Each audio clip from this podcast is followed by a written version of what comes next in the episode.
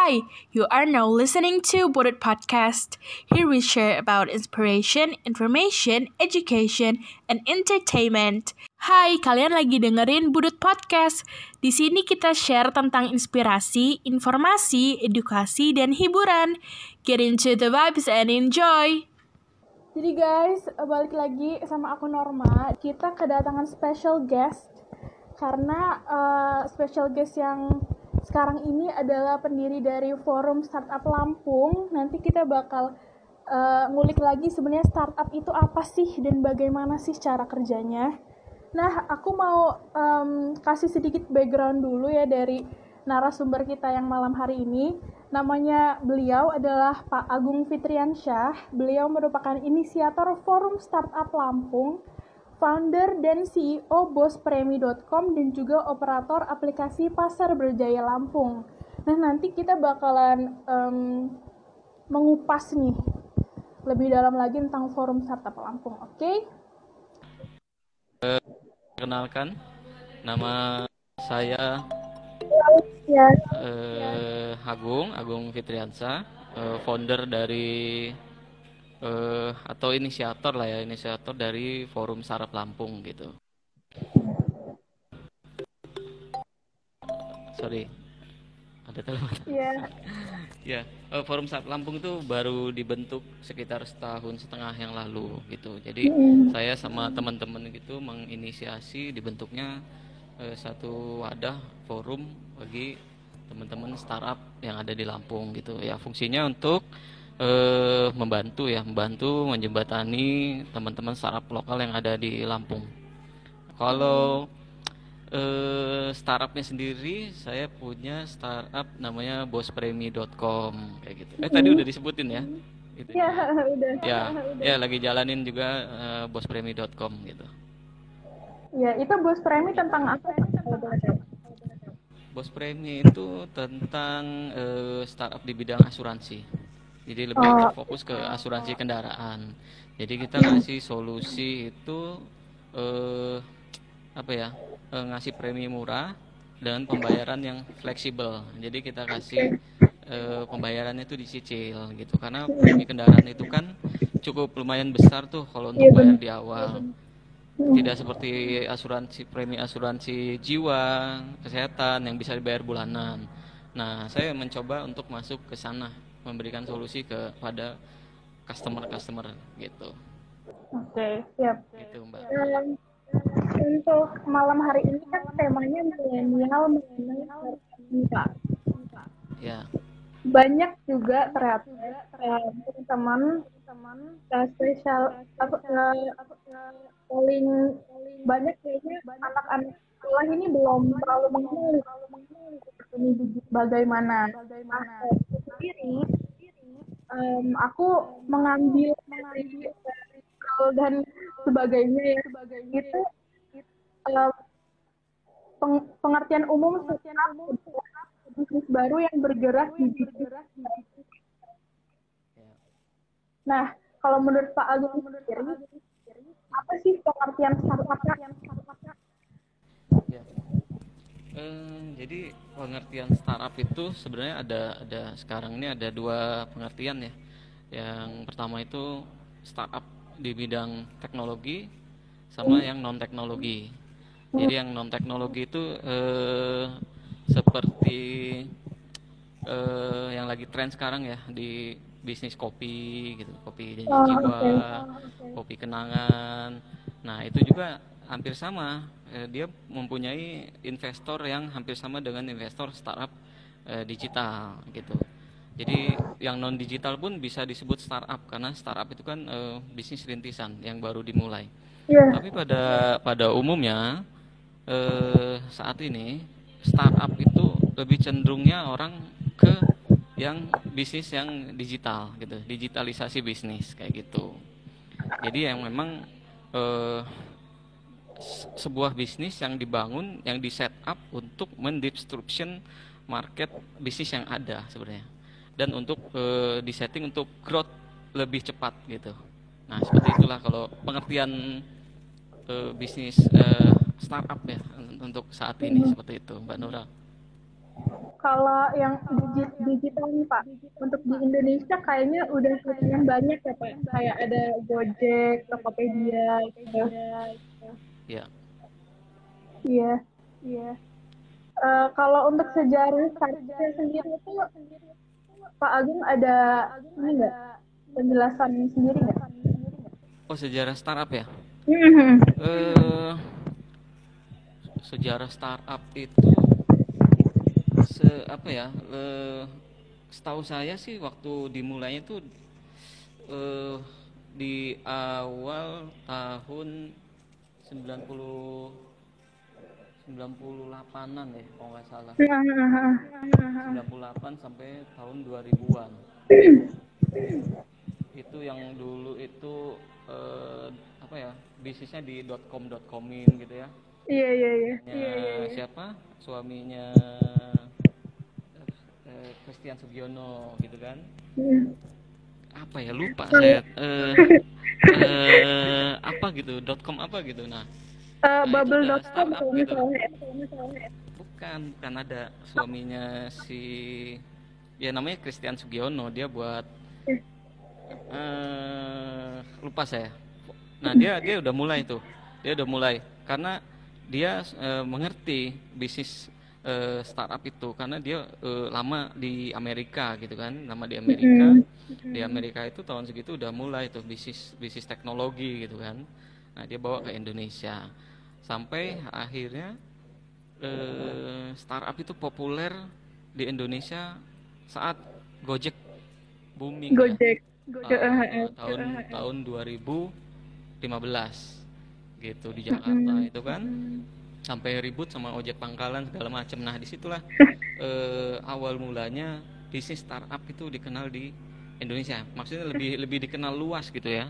Karena sampai masuk berita sampai sebulan dua bulan itu kan beritanya kan akhirnya diulas apa sih Gojek itu gini gini gini. Jadi masyarakat luas eh, Indonesia itu tahu oh ini bisnis startup itu seperti ini seperti ini seperti ini. Sampai akhirnya sekarang eh, bisnisnya lebih gede dan banyak Iya. banyak eh, Iya. eh, variasinya di, di bisnis startupnya gitu. Semua bidang semua segmen tuh kayaknya bisa di eh, bangun bisnis startup gitu mbak kayak gitu Mm. Itu kan kalau yang di Indonesia ya Pak. Kalau menurut Pak Agung startup ini masuk ke Lampung itu waktu kapan sih Pak? Waktu kapan sih Pak?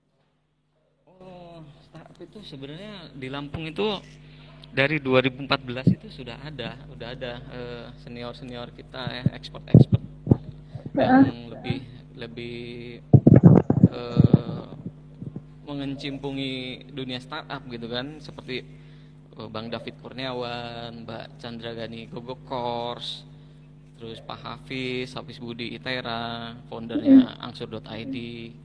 Nah itu mulai dari 20 2014 mereka. Tapi di 2014 tuh eh, masa apa ya eh, teman-teman atau eh, masyarakat di Lampung belum terlalu memahami eh, bisnis startup itu apa sih gitu kan. Sampai si Gojek booming pun ya mereka di Lampung masih biasa saja gitu kan.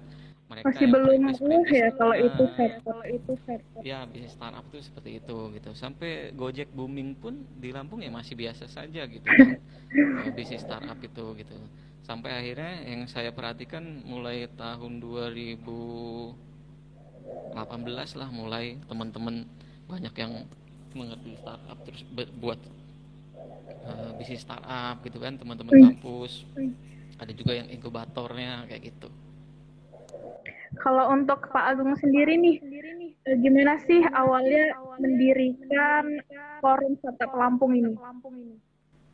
Eh, awal itu awal 2019.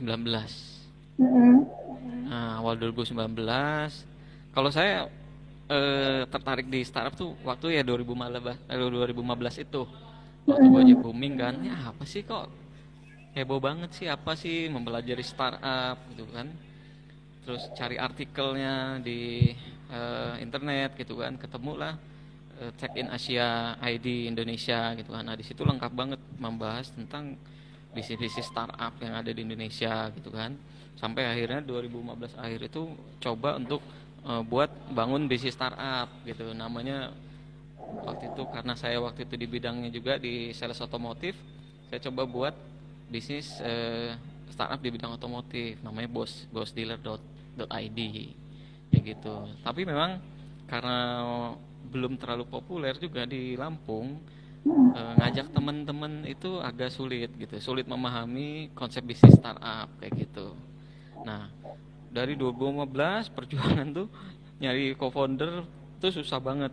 Akhirnya 2019 akhir ah, ah, 2019 awal saya eh, coba untuk eh, ngebuat apa ya forum gitu kan forum startup Lampung. Tujuannya buat ngumpulin nih siapa sih yang interesting ya teman-teman Iya. orang-orang Lampung yang yang interesting di dunia bisnis startup. di startup gitu kan. Jadi buat ngumpulin. Waktu itu buat aja IG dulu kan. Buat IG coba post posting posting tentang startup gitu kan. Quotes quotes quotesnya si Nadia Makarim Zaki Tokopedia dan sebagainya. Nah di situ eh, ada respon dari banyak teman-teman. Mau gabung mau gabung. Ya udah kita gabung-gabung dulu aja kumpul-kumpul.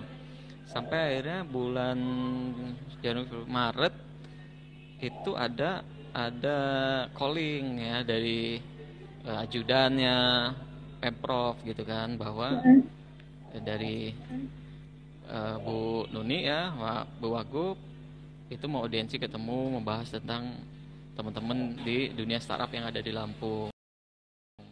Nah, mulailah dari 2019 itu awal tahun itu kita coba eh, benar-benar forum startup Lampung ini dirintis gitu. Pelan-pelan kumpulin satu-satu. Siapa aja sih pelaku-pelaku startup yang ada di Lampung? Dan ternyata sampai saat ini eh, perkembangannya bagus banyak bermunculan terutama teman-teman yang, yang ada di kampus ya ITERA di Unila di Teknokrat segala macam. Ternyata banyak gitu.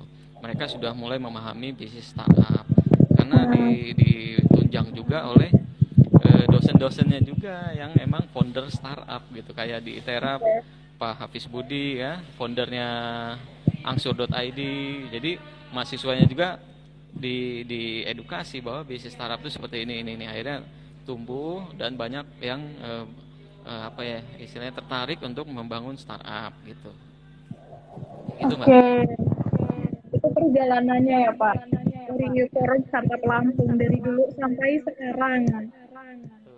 Kalau dulu Pak, eh, pengalaman Pak Agung sendiri nih, pernah nggak sih mencoba sebuah bisnis tapi gagal gitu Pak?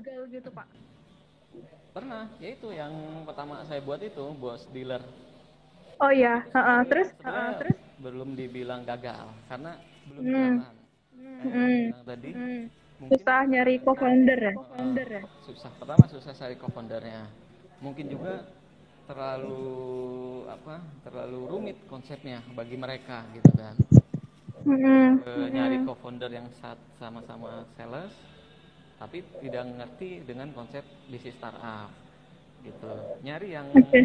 ngerti startup tapi tidak ngerti bisnis di otomotifnya gitu jadi terlihat Oke. gitu kan akhirnya itu berapa tahun ya dari 2016 awal sampai 2019 itu itu nggak dapat dapat padahal konsepnya sudah sudah saya buat terus sudah di riset sudah divalidasi gitu tapi memang belum ketemu co-founder itu yang menjadi hambatan terbesar gitu akhirnya itu Oke. ya Oke. saya, saya keep dulu gitu kayak gitu mbak Iya, Eh, itu kan mas belum termasuk gagal, tapi malah jatuhnya nggak belum jalan gitu ya Pak ya?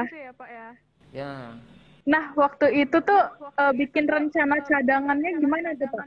Kayak Pak Agung harus ke mana, bikin apa gitu? Ya, jadi rencana cadangannya itu ya, ya startup yang saya bentuk sekarang, Bos Premi. Oh, oke, langsung forum sampai Lampung. Forum sampai Lampung. eh, bospremi.com. Hmm. Saya, saya si bos dealer itu start, bener. Kemudian saya bentuk forum startup Lampung. Kemudian saya buat startup bospremi.com. Gitu. Nah, sebenarnya bospremi.com tuh adalah salah satu fitur di bos dealer sebenarnya. Bos dealer. ya startup bospremi.com yang saya jalanin sekarang itu adalah fiturnya bos dealer sebenarnya Jadi saya sekarang menjalanin fiturnya bos dealer. Jadi kalau waktu itu bos dealer itu jalan, bos eh, si yang bos brand ini adalah salah satu fiturnya gitu. Tapi karena terlalu rumit ya udah fiturnya dulu yang saya jalanin karena lebih simpel mungkin ya eh, ininya pemahamannya ke co-founder saya seperti itu. Jadi ya saya sekarang jalanin sedang menjalankan uh, bospremi.com gitu. Oke. Eh, tantangan terbesar nih Pak saat menjalankan startup tuh apa sih Pak? Apa sih Pak? Kalau tantangan terbesar itu membentuk tim. Kenapa? Memben- Kenapa? Eh, membentuk tim. Oh, membentuk tim. Kenapa tuh Pak? Ya. Kenapa tuh Pak? Eh, jadi kayak ah, nyari pacar gitu. Nyari pasangan. Waduh. Sama kayak nyari pasangan. Iya, jadi harus cocok. Ya harus cocok biar eh, menjalani ke depannya itu walaupun banyak rintangan tapi tetap konsisten gitu. Konsisten dan punya daya juang. Nah, itu yang pertama tantangannya ngebentuk tim. Itu yang paling susah. Kemudian sesudah timnya ada eksekusinya gitu kan. Eksekusinya. Tantangan berikutnya adalah eksekusi. Eksekusinya. Gimana kita mengeksekusi ide bisnis startup kita gitu. Walaupun kita sudah konsepnya kita sudah matangin, tapi pada saat kita eksekusi itu pasti ada aja masalah yang tidak terpikirkan. Nah, kita harus bisa menyelesaikan lagi dari masalah yang tidak terpikirkan itu setelah kita eksekusi atau menjalani bisnisnya seperti itu. Jadi buat startup itu gampang-gampang susah. Ngebentuknya gampang, ngejalaninya susah. Susah ya. Gitu. Jadi benar-benar harus ya, punya visi dan misi yang kuat gitu sesama founder co-founder juga gitu. Oke. Gitu, Norma. Oke, nih Pak, kan situasi sekarang ini lagi susah banget ya Pak. Pandemi COVID-19 ini kayak menghambat segalanya gitulah. Ya. Menurut Pak Agung sendiri, dampak pandemi COVID-19 ini bagi startup Indonesia nih gimana sih Pak? Gimana sih Pak? Ya dampaknya tentunya eh, ada yang kena dampak, tapi banyak juga di masa pandemi ini itu startup banyak yang berguguran juga. Karena dengan bisnis modelnya itu tidak tidak tidak apa ya tidak kuat untuk menghadapi pandemi ini. Karena tidak terfikirkan sebelumnya akan ada pandemi yang seperti ini gitu.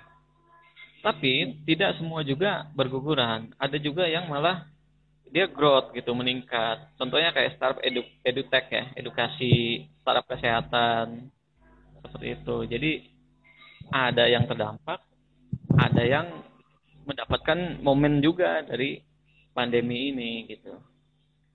Seperti itu Mbak. Ada tips nggak tips dari Pak Agung untuk em, agar start- startup di pandemi ini tetap growth begitu Pak? tipsnya? Ya tipsnya gini eh kita ha- harus harus inovatif. Jadi untuk membangun mendirikan sebuah startup founder-foundernya itu harus inovatif. Harus inovatif harus Iya. kreatif. Jangan gini. Karena ada pandemi gini nyerah gitu kan. Jangan nyerah dulu. Cari cari cari alternatif lain gitu kan. Cari alternatif lain gimana pandemi ini eh, justru bisa mendukung startupnya gitu loh mbak kayak gitu ya Iya, minimal dia harus harus harus buat fitur atau produk baru gitu yang sinkron ya dengan konsep startupnya gitu Kayak gitu. jadi mesti ah, mesti kreatif dan inovatif sih jangan wah pandemi gini gini, gini. Nah, itu ya nggak bisa bertahan lama juga gitu Kayak Di gitu. saat seperti ini malah justru ditantang lagi ya Pak ya? Benar, Kayak benar. Justru tantangan- tantangannya sangat tantangannya sangat berat sih sebenarnya. Eh, saya juga eh terdampak juga gitu kan. Baru-baru mau saya jalanin Maret, April Corona kan di Indonesia kan. Itu baru mau saya jalanin. Ya sampai sekarang ya. Eh, terpending 4 bulan deh. Bos premi ya, startup saya ini juga gitu. Karena kan eh, kita ada kerjasama sama pihak lain juga gitu kan. Nah pihak lain tuh terdampak jadi ke pending. Jadi mereka nunggu apa ya istilahnya nunggu eh, pemulihan dulu gitu kan di internal mereka. Mereka juga cari solusi cari alternatif lain inovasi lain. Nah pada saat sudah mereka sudah dapat inovasinya eh, yang eh, karena berhubungan dengan COVID ini, nah baru kita bicarakan lagi. Nah baru se dua minggu ini kita udah oke okay, deal, oke okay, kita udah bisa jalan gitu. Nah itu kalau yang bos premi. Gitu. Hmm. Yang nah. yang bikin bapak untuk tetap termotivasi gitu di masa pandemi ini kan banyak nih pak orang-orang nih di masa hmm. pandemi kayak uh, kurang kurang motivasi jadi uh, secara kerjanya juga menurun Nah, untuk Pak Agung sendiri, apa bikin Bapak termotivasi untuk terus jalan nih bos preminya nih di masa depan? Oh iya. Eh, kalau kalau saya pasti eh, apa ya harus termotivasi lah. Mm. Jangan karena pandemi gini nggak termo, eh, tidak termotivasi ya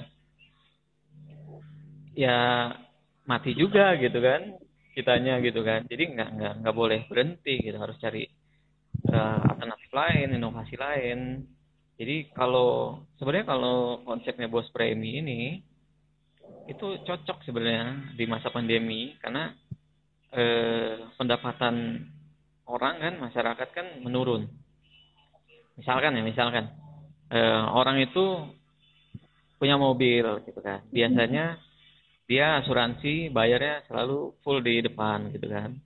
Nah, pada eh, masa pandemi seperti ini pemasukannya terganggu. Sementara mobil dia harus tercover asuransi.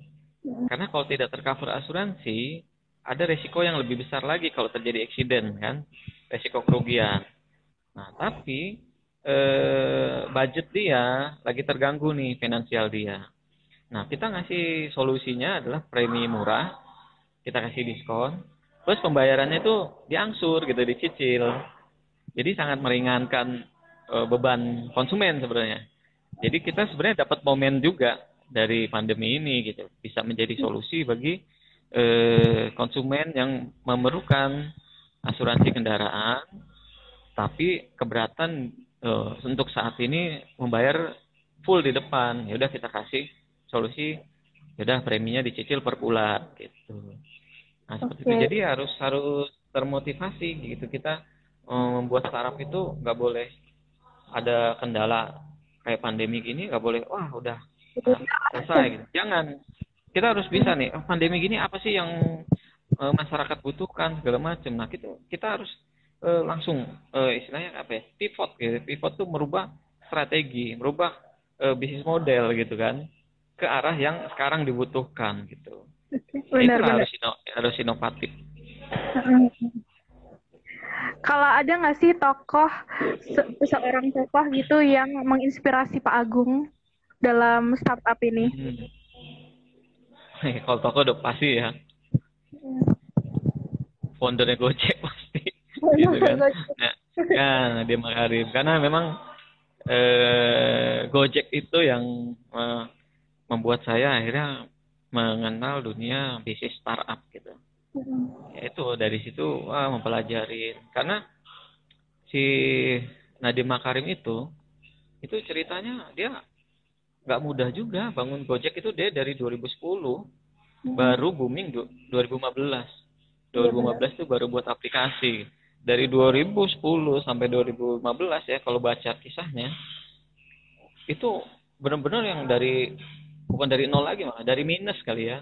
Dari minus dari belum aplikasi ya call center dulu by website gitu segala macam di tengah jalan eh, istilahnya apa ya eh, keuangannya juga semakin menurun tapi dia tetap harus menghidupkan eh, startupnya gitu kan. Ada ada dia harus bayar gaji karyawannya segala macam dia akhirnya bekerja tempat lain untuk eh, mendanai startupnya gitu kan. Kemudian ada tantangan lagi pada saat Gojek dapat eh, apa uh, investor gitu kan. Si dua foundernya ini milih mundur gitu kan. Kalau nggak salah saya baca itu. Eh, dia nggak mau maju lagi milih mundur gitu. Akhirnya Nadiem Makarim yang maju terus gitu. Sampai akhirnya sampai sekarang. Bahkan dulu Nadiem Makarim itu pada saat dia eh, pitching ya ke investor itu disebut gila. Karena Kenapa? karena uh, ojek dibuatin aplikasi gitu nah itu yang ngomong itu Jansen Kamto namanya. Nah dedengkotnya eh, startup di Indonesia itu seribu startup. Nah pada saat Nadiem Makarim itu membuktikan bahwa konsepnya itu eh, berhasil ya dibutuhkan masyarakat akhirnya si Jansen Kamto itu mindsetnya langsung berubah. Jadi segila apa pun orang yang punya ide itu nggak boleh dianggap remeh. Iya benar. karena sudah terbukti sama Nadiem Makarim di Gojek.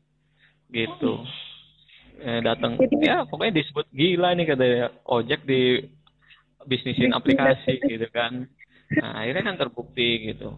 Bahkan Hmm. kalau ada sumber berita gitu ya pernah beberapa si Nadiem Makarim itu menghampiri pengusaha ya kayak mungkin Sandiaga Uno terus Hotman Paris gitu. Itu nggak mau juga gitu. Tapi pada akhirnya sekarang mereka menyesal gitu. Nah, kenapa? Wah kalau dulu mereka bantu ya mengasih modal ya invest gitu. Invest. yang cuma kalau nggak salah eh, Nadiem Makarim cuma minta ratusan juta deh ratusan juta berapa gitu. Nah kalau mereka waktu itu bantu invest ya sekarang ya udah berlipat-lipat ya.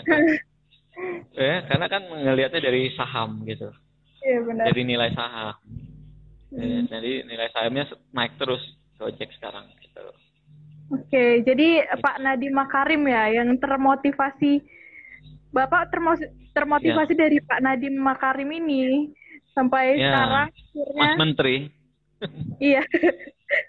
Mas Menteri Nah Pak tadi eh, ada yang nanya nih Pak. Eh bentar. gimana Ada yang nanya dari Heru Syah, Pak Agung di startupnya ada berapa orang dan belajar membangun startup dari mana saja Pak? di di startupnya. Startup saya sendiri atau forum? Kalau startup saya empat.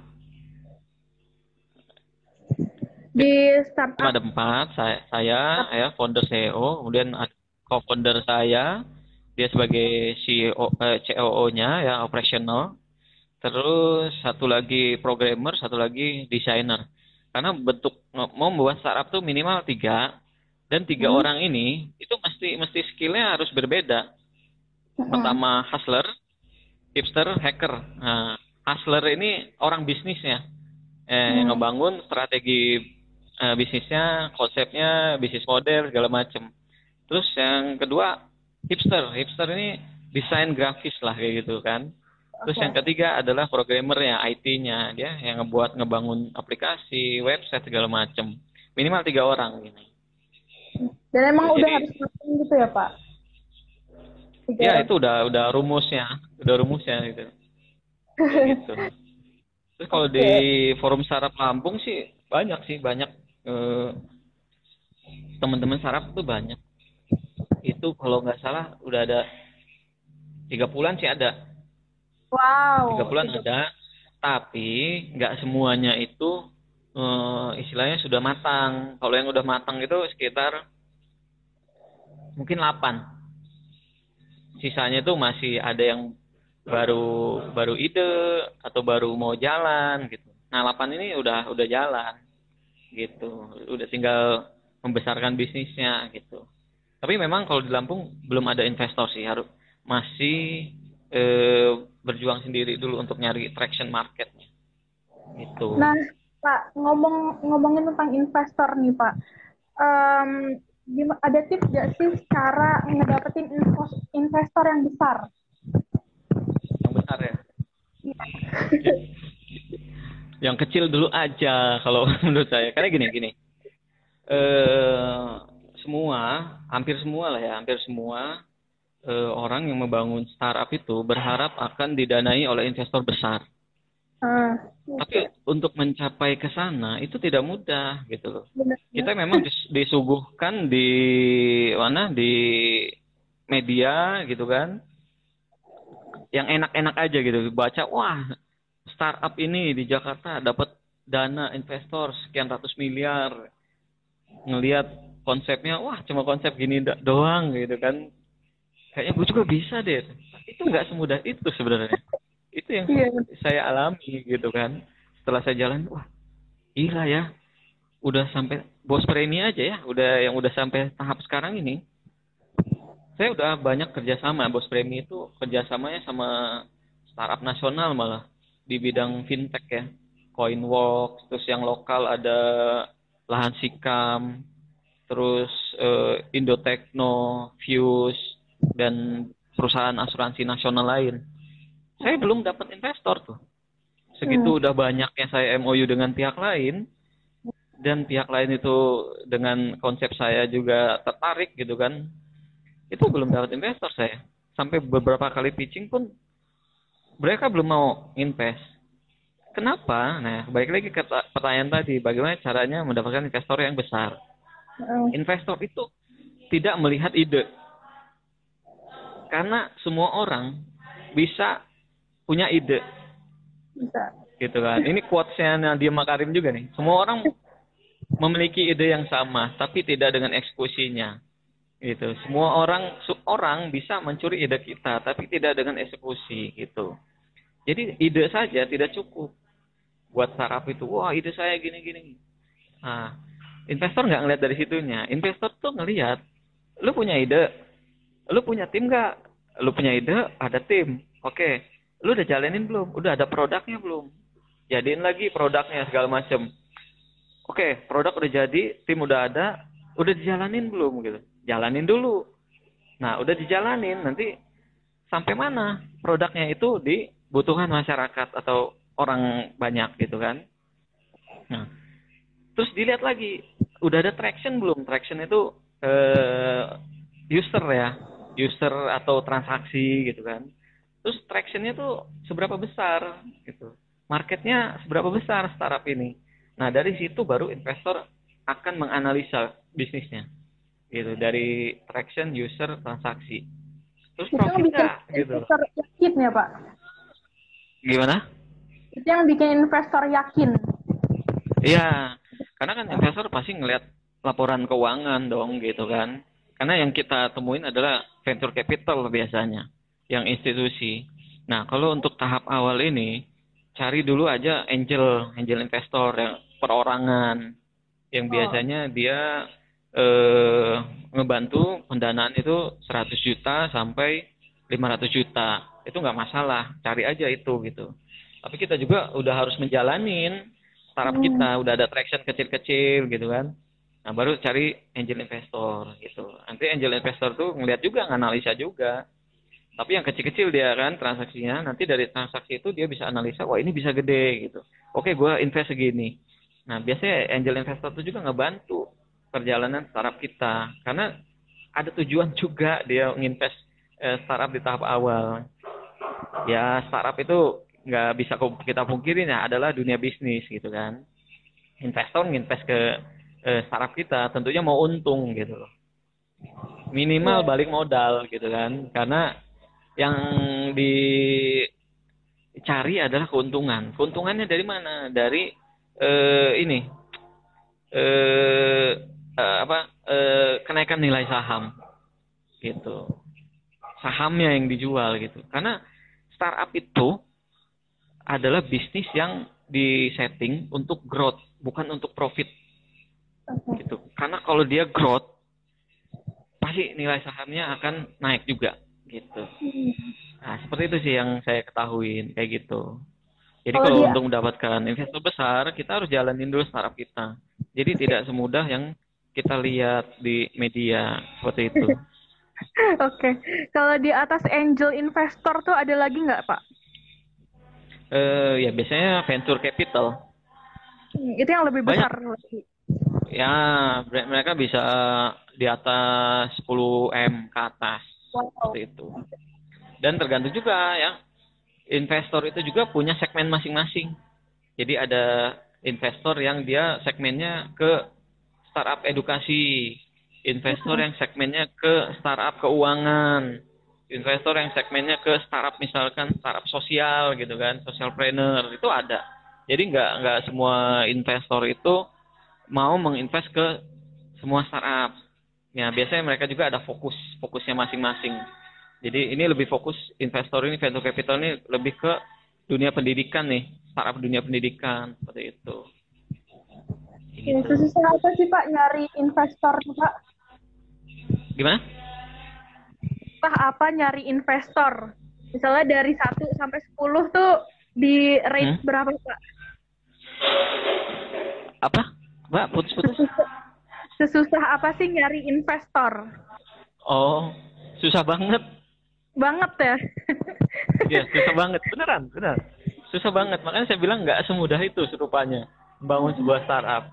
Tidak hanya bermodal ide, tapi ide itu yang saya bilang tadi lah dari awal. Ide itu harus diwujudkan ke tim. Nah, ngebentuk tim, tim bentuk produk. Produknya harus dijalanin. Nah, produknya dibutuhin apa enggak gitu, profit apa enggak gitu. Perjalanannya panjang, Pak. Jadi kita itu harus menjalani dulu ke uh, startup kita gitu. Kayak gitu. Jadi nggak nggak mudah, susah banget. Tapi kalau emang startup kita ini uh, dibutuhkan oleh masyarakat, tractionnya bagus, kita diubah-ubah sama investor. Hmm, gitu. okay. Tapi ya jangan senang juga kalau dapat investor. Kenapa tuh? Gitu. Ada hal ya, lain yang gak... harus diperhatiin. ya, ada hal lainnya harus eh, diperhatiin. Ya ini juga saya kemarin baru dapat ilmu juga dari Mbak Chandra Gani ya, Gogo Course kemarin oh iya juga gitu kan karena kita itu bukan dikasih uang sama investor tapi dikasih beban. Nih saya kasih saya saya kasih dana 10 miliar. Oh jangan seneng dulu. Pertanggung jawabannya gitu. Mereka mereka itu nggak mau balik modal loh. Mereka maunya untung. Hmm. gitu misalnya eh, saya kasih 10 m. Kamu bisa naikin harga saham atau valuasi perusahaan ini tiga tahun ke depan berapa persen? Gitu. karena eh, apa ya rumusnya ya itu dikali minimal dikali tiga. Misalkan 10 m. Minimal setahun dua tahun depan tuh harus 30 m jadinya uang itu dari nilai transaksi valuasi saham. Nah bukan enggak itu berubah pasti sama investor Makanya hmm. kalau kita kita sudah diinvest sama investor, itu sama aja sebenarnya kayak kerja sama investor. Nah, hmm. gitu. Makanya ya harus paham dulu dari awal bahwa bisnis startup nggak gampang. Startup adalah tetap bisnis, investor tetap investor yang orientasinya adalah untung. Nah, seperti itu. Kayak Oke, gitu, nih, Mbak. Ada yang nanya, hmm ya, belajar membangun startup dari mana Pak? Mungkin kayak awal banget nih untuk uh, milenial-milenial yang mau membangun startup gitu Pak. Apa sih yang harus mereka lakuin untuk pertama kalinya nih? Belajar eh, startup. Uh, pertama harus paham dulu uh, startup itu apa. Gitu. Bisnis startup itu apa? Harus dipahamin dulu.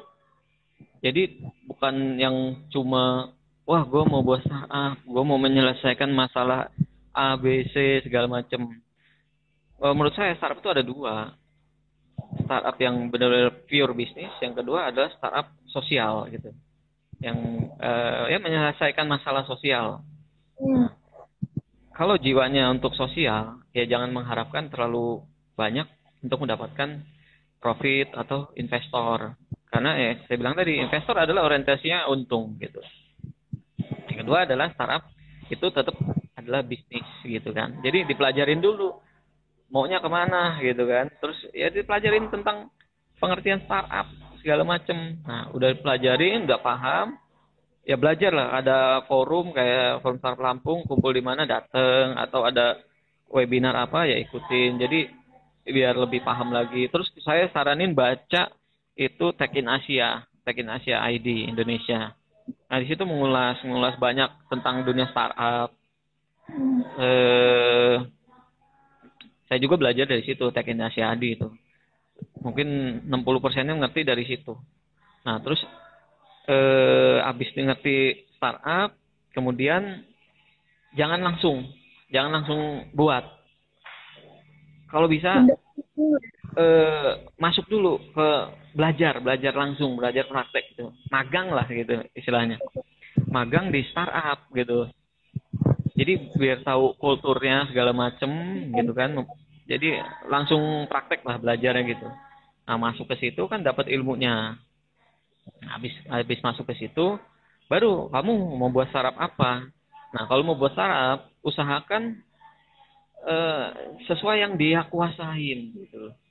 Kayak saya buat bos premi. Saya dulu orang asuransi 2007 sampai 2015. 2015 salesman otomotif. Makanya saya buat startup di bidang asuransi dan otomotif. Karena saya menguasai bidang itu. Benar, Jadi benar, benar. Eh, eh, akan sangat lebih mudah. Saya akan membuat bisnis model, konsep dan sebagainya. sebagainya. Nah, kalau kita tidak ada di bisnisnya itu kesehariannya, harus di riset, riset dulu.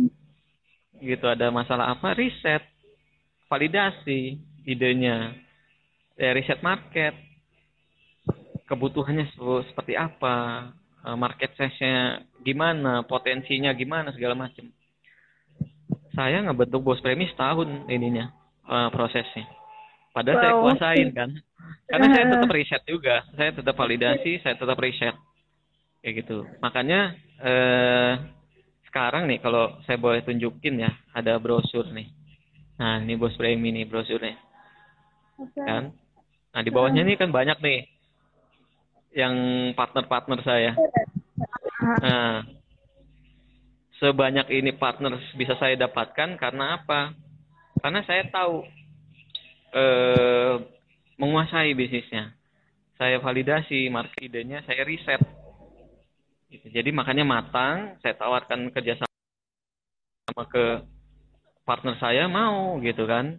Ini partnernya bukan partner biasa, kelasnya udah nasional kayak CoinWalks ini peer-to-peer lending, fintech, financial technology, startup financial technology yang dia omsetnya itu udah uh, bukan omset ya, istilahnya portofolio pinjamannya 2 triliun udah. Wow. Kayak gitu. Dan di belakang mereka investor venture capital semua gitu. Jadi kita harus harus mem bisa memanfaatkan juga gimana eh, biar startup kita ke depannya eh, lebih mudah gitu kan. Nah, saya memanfaatkan untuk bekerja sama sama mereka. Jadi saling bermanfaat. Pada saatnya nanti eh, bos premi ini growth-nya bagus, itu akan sangat mudah dimonitor oleh investor-investor dari partner saya gitu. Benar-benar. Gitu. Jadi saya nggak susah-susah lagi gitu kan. Kayak gitu. Jadi kita harus pinter juga arah ke depannya. Uh, benar benar benar.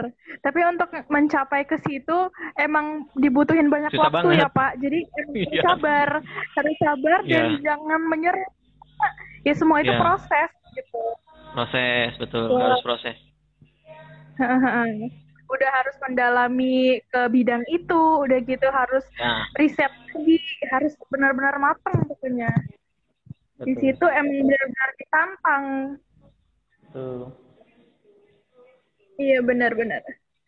Terus ada lagi nih Pak yang nanya Gustavo White. Dia nanya startup Lampung apa yang paling growth saat ini Pak? Kalau yang dibilang paling belum belum ada yang paling karena masih proses masih proses kendalanya di Lampung adalah tidak ada uh, investor startup ya. Investor-investor yang yang yang kita harapkan yang di Lampung itu belum terlalu paham juga atau belum terlalu mau menerima konsep bisnis startup karena yang saya bilang tadi kita nawarin adalah konsep bisnis kita. Kita nggak nawarin profit ke dia untuk dalam waktu 1, 2, 3 tahun ke depan. Kita nawarin adalah ke investor itu adalah growth-nya. Bahwa uh, startup ini tiga tahun ke depan akan segini nilainya gitu. Jadi tidak untuk profit di awal. Nah, kendalanya di Lampung adalah investor Lampung, pengusaha-pengusaha Lampung adalah dia mau invest bulan depan dapat untung. Nah itu yang kita nggak bisa eh, startup bukan seperti itu di settingnya gitu. makanya kita sering dengar bakar uang eh bakar uang Iya, bakar uang gitu kan iya bukan bakar menyan ya bakar uang. Oke. Eh, nggak ya itulah bakar uang gitu. Jadi di- membakar uang untuk menaikkan valuasi. Oke. seperti Gojek pun ya Gojek itu saya dengar sih belum dapat profit. Maksudnya profit ada. Tapi kalau dibandingin dengan cost itu belum belum ini belum belum profit gitu loh. Kayak gitu. Oke. karena kita lihat sendiri ya terakhir mereka aja dapat investasi 18 triliun ya kalau nggak salah. Kayak gitu.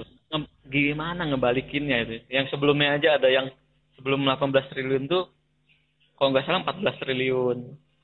Terus sebelum 14 triliun eh 10 triliun. Nah itu udah balik belum yang kemarin-kemarin itu gitu loh? Iya.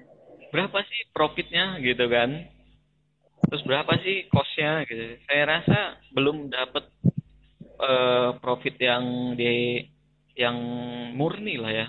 Karena target mereka tujuan mereka adalah ekspansi growth gitu. Seperti yang eh, investasi yang baru masuk sekarang itu untuk digunakan untuk ekspansi ke Asia Tenggara. Memperkuat pasar Asia Tenggara kan udah ada di Vietnam di Thailand eh, Iya, benar, benar. Filipina ya kalau nggak salah kayak gitu. Nah mereka menguatkan pasar di sana kayak gitu. Oke Pak, Terus ini eh, pertanyaan untuk di Lampung pertanyaan- belum ada yang growth. Pa- paling yang paling yang yang paling saya lihat ya Mas Gustavo ya. Startup di Lampung yang yang sudah saya anggap dia eh, profesional ya itu lahan sikam lahan sikam. nih part ya partner saya juga.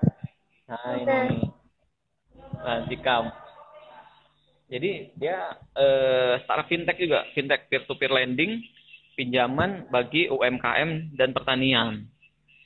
Kenapa saya bilang dia profesional? Dia sudah ada eh, istilahnya apa ya?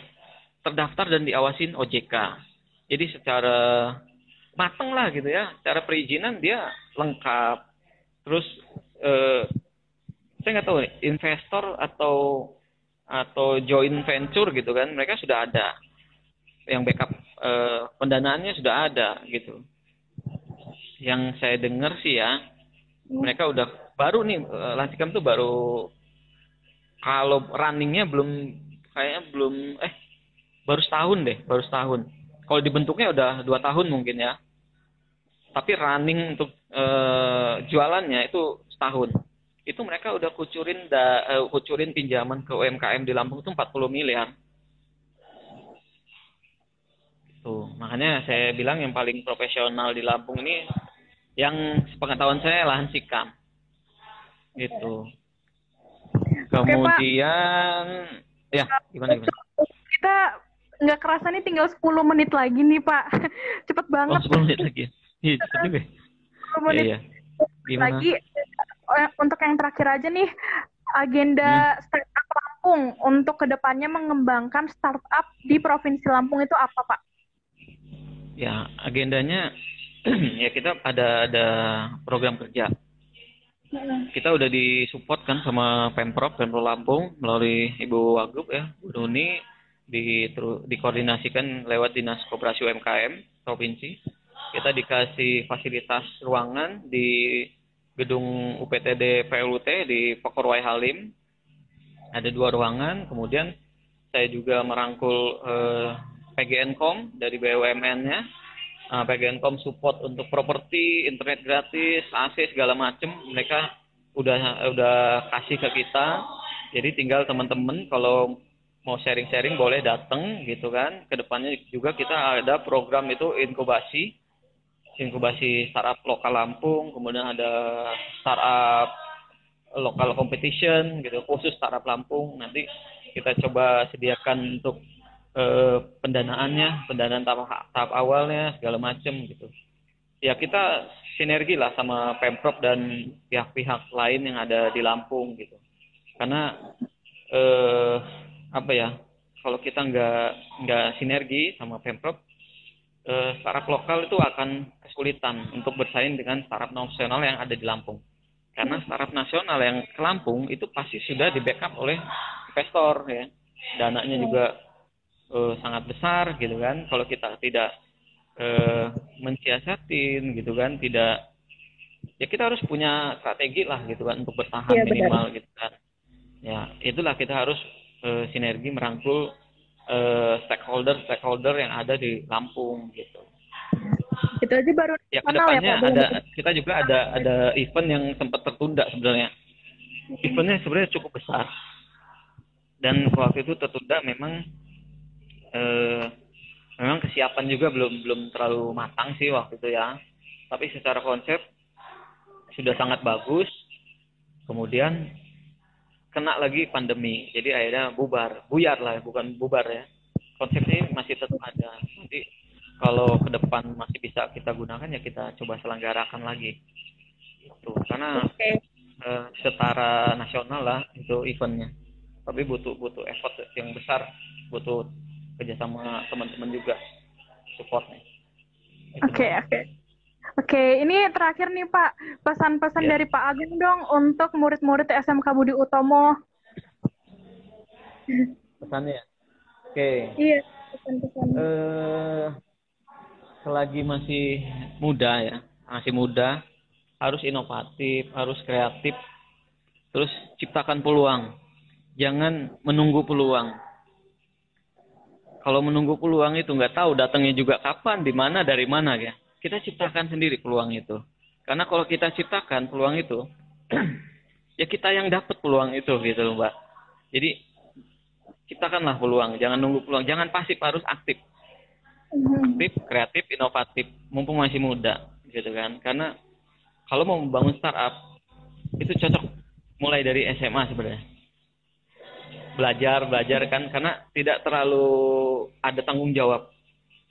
Nah, kalau sudah menikah, wah itu udah susah kayak kayak saya susah. Curhat dikit ya. Nah, kayak saya, saya udah susah karena harus mengatur waktu gitu kan. Eh, sama hmm. keluarga terus ada pengorbanan juga. Kalau masih muda berkorban ya korban sendiri aja gitu kan. Tapi kalau udah berkeluarga ya keluarga itu harus dikorbanin juga gitu. Ya itu yang susah. Makanya kalau mumpung masih muda harus kreatif dan inovatif terus ciptakan peluang terus jangan menghindar dari masalah cari solu cari solusinya dari masalah itu karena masalah itu adalah peluang. Nah, makanya harus eh, rajin-rajin cari masalah. Tapi jangan berantem maksudnya. Jadi ma masalah masalah sosial lah, masalah sosial gitu. Bukan masalah cari lawan ya, gitu.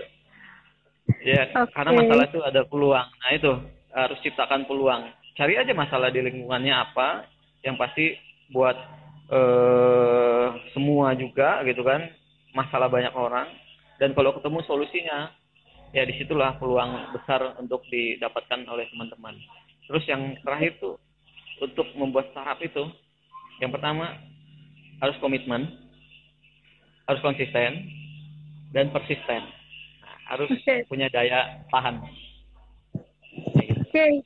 Di note ya teman-teman yang lagi nonton semua ya. itu pesan dari Pak Agung Oke Pak, kayaknya udah sampai sini dulu nih kita hari ini. Terima kasih yeah. banyak Pak Agung. Gak kerasa banget yeah. udah mau jam. Terima kasih banyak Pak Agung atas waktunya dan ilmunya. Bermanfaat ya, banget. Sama-sama Mbak. Semua, Saya juga aku. terima kasih udah diundang ya. ya. Kapan-kapan main ya Pak ke SMK Budi Tomo. Kita ada studio oh, iya. podcast. Ya Oh gitu ya? Ya, jadi nanti kita bisa ngobrol-ngobrol lebih panjang di situ tuh enaknya. Oh, gitu. Siap, siap. siap. Ya, oke. Okay. Oh, mas sukses terus. Ya. Salam sama Mas Pras. Oke, okay, sukses terus ya Pak Agung untuk forum